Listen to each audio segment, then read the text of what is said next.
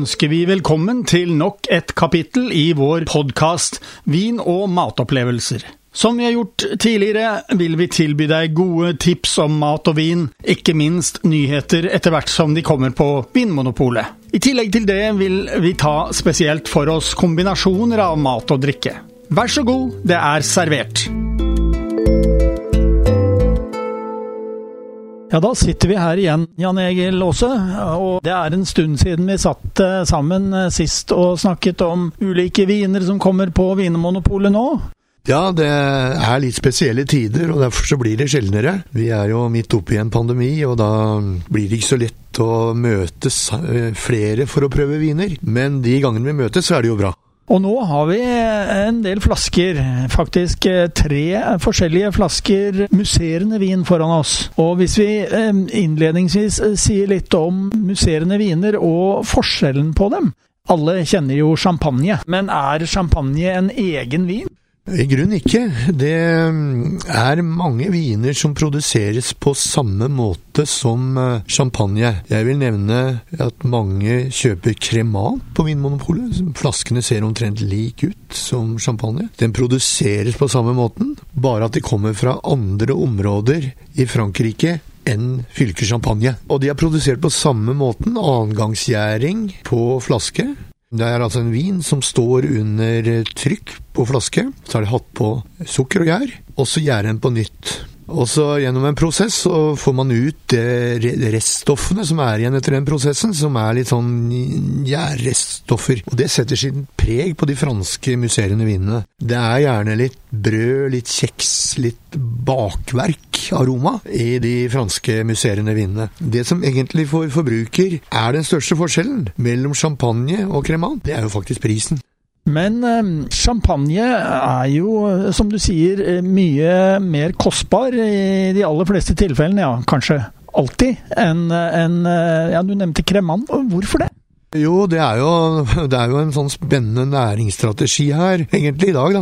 Champagne, champagne bygger opp mange varemerker, og er litt sånn ekskluderende til å ta inn nye produsenter. Og så har man da et renommé. Man skal huske at champagne har vært overklassens motedrikk i Europa, og Russland, faktisk. Og Norge, i flere århundrer. Det har vært en motedrikk, det er en høy anseelse, og det er i grunnen bare de rike som har hatt anledning til å kjøpe det. Selv om ikke vi har Prosecco her i dag, så kan vi jo eh, nevne Prosecco. Altså, Prosecco kommer fra eh, Italia, men eh, er den veldig forskjellig fra, fra, champagne? Ja, den er produsert på en nokså annerledes måte. Der skjer gjæringen da, i store tanker under trykk. Det er en hvitvin som eh, tilsettes sukker og gjær, og så står dette under trykk, og så blir det en, eh, en musserende vin ut av det. Og det er jo nok en mye enklere måte å produsere på enn å ha annengangsgjæring i flasker, sånn som både cava, cremant og champagne har. Og du nevnte da cava.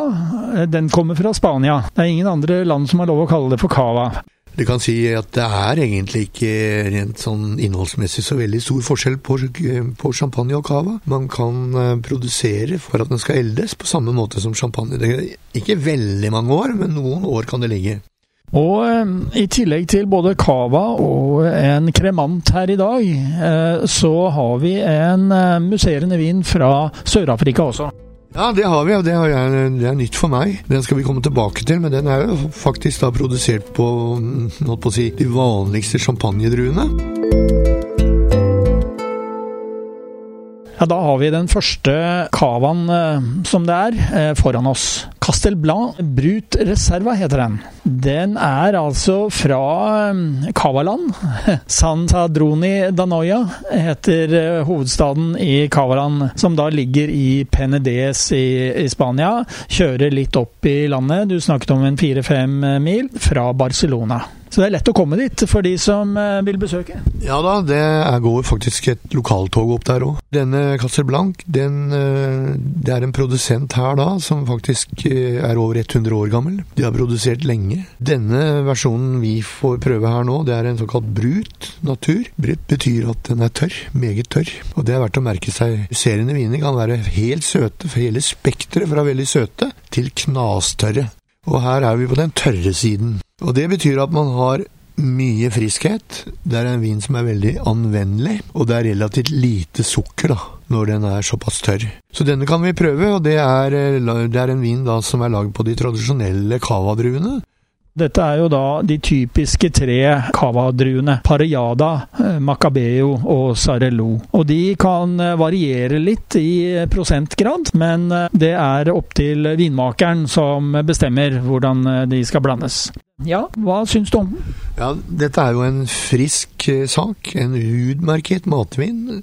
En vin som, som jeg ikke vil ha problemer med å bruke til sjømat. Men den er heller ikke vanskelig bare å sitte her på terrassen og på drikke. Eh, den har, eh, den har et sånt delikat, lys strågult farge. Og eh, når vi dufter på den her, så er det jo dette utbregde sitruspreget. Sitrus og frukt.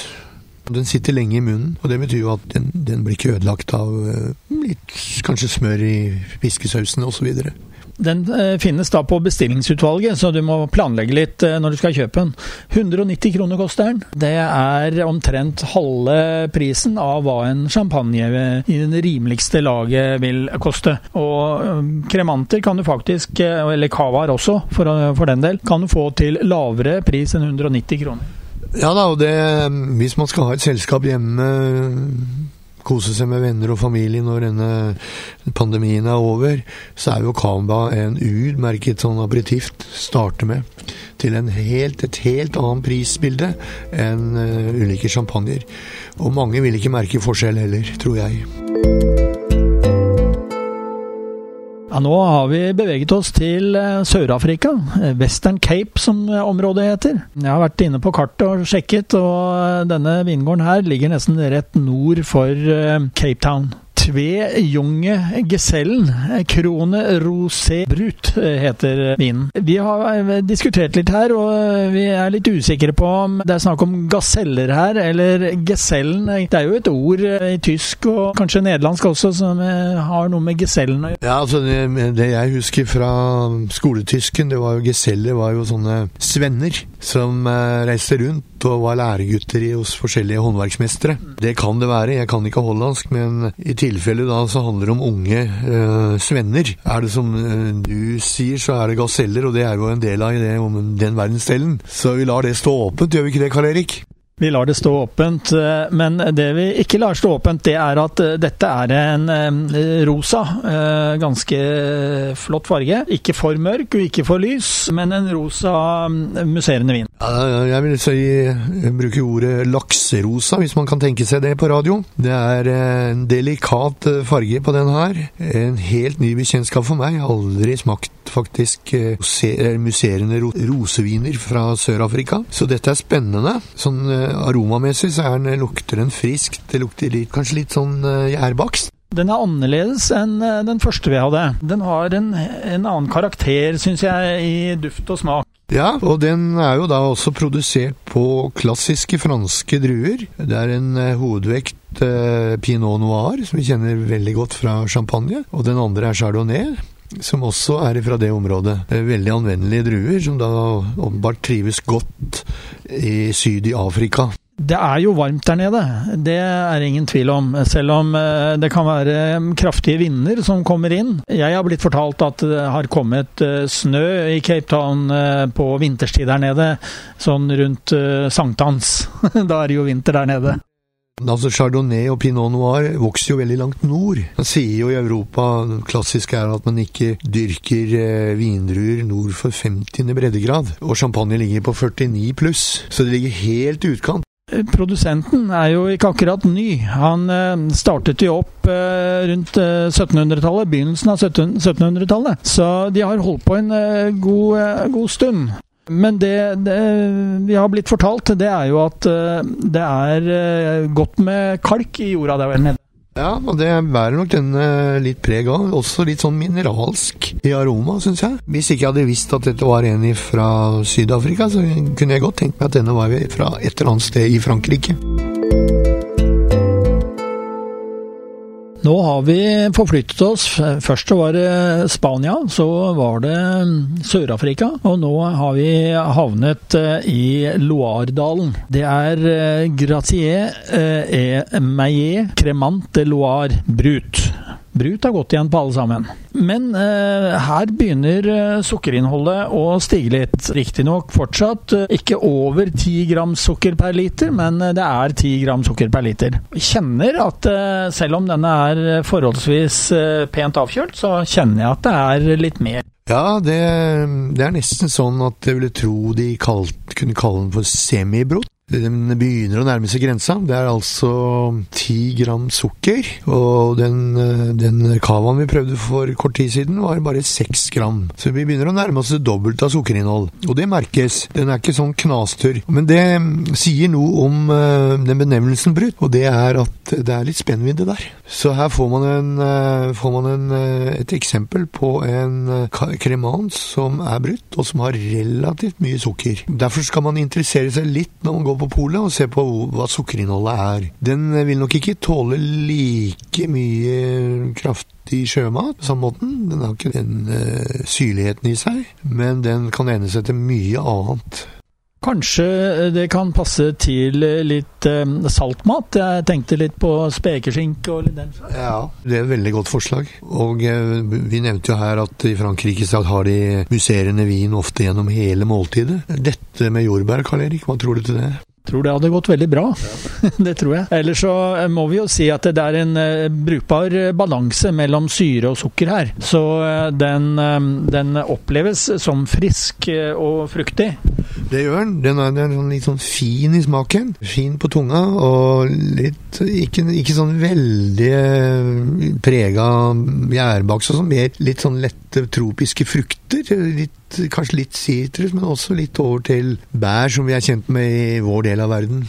Hvis vi skulle snakke litt om Loardalen, for der finner du mye spennende. Du har altså flere vinområder, kjente vinområder, opp gjennom dalen, helt til den øverste delen. Og um, denne kommer fra det området som heter Somyr, og det mener jeg ligger et, et stykke opp i dalen. Ja, dette er jo en veldig, veldig lang elv som renner ut eh, i Atlanteren. Og mm, det mest kjente eh, vinproduktet fra Loardalen for oss i Norge er nok sancerviner. Men da skal vi ta oss og smake disse vinene vi nå har hatt i glassene våre, eh, til litt mat med litt forskjellig karakter. Så skal vi komme tilbake og kommentere det. Da har du fått dagens podkast fra Radio Riks Oslo om mat og vin. Hvis du ønsker å abonnere på den, slik at du får den automatisk når nye blir lagt ut, kan du gjøre det. Lykke til! Kommende mandag får du neste kapittel. Vi høres!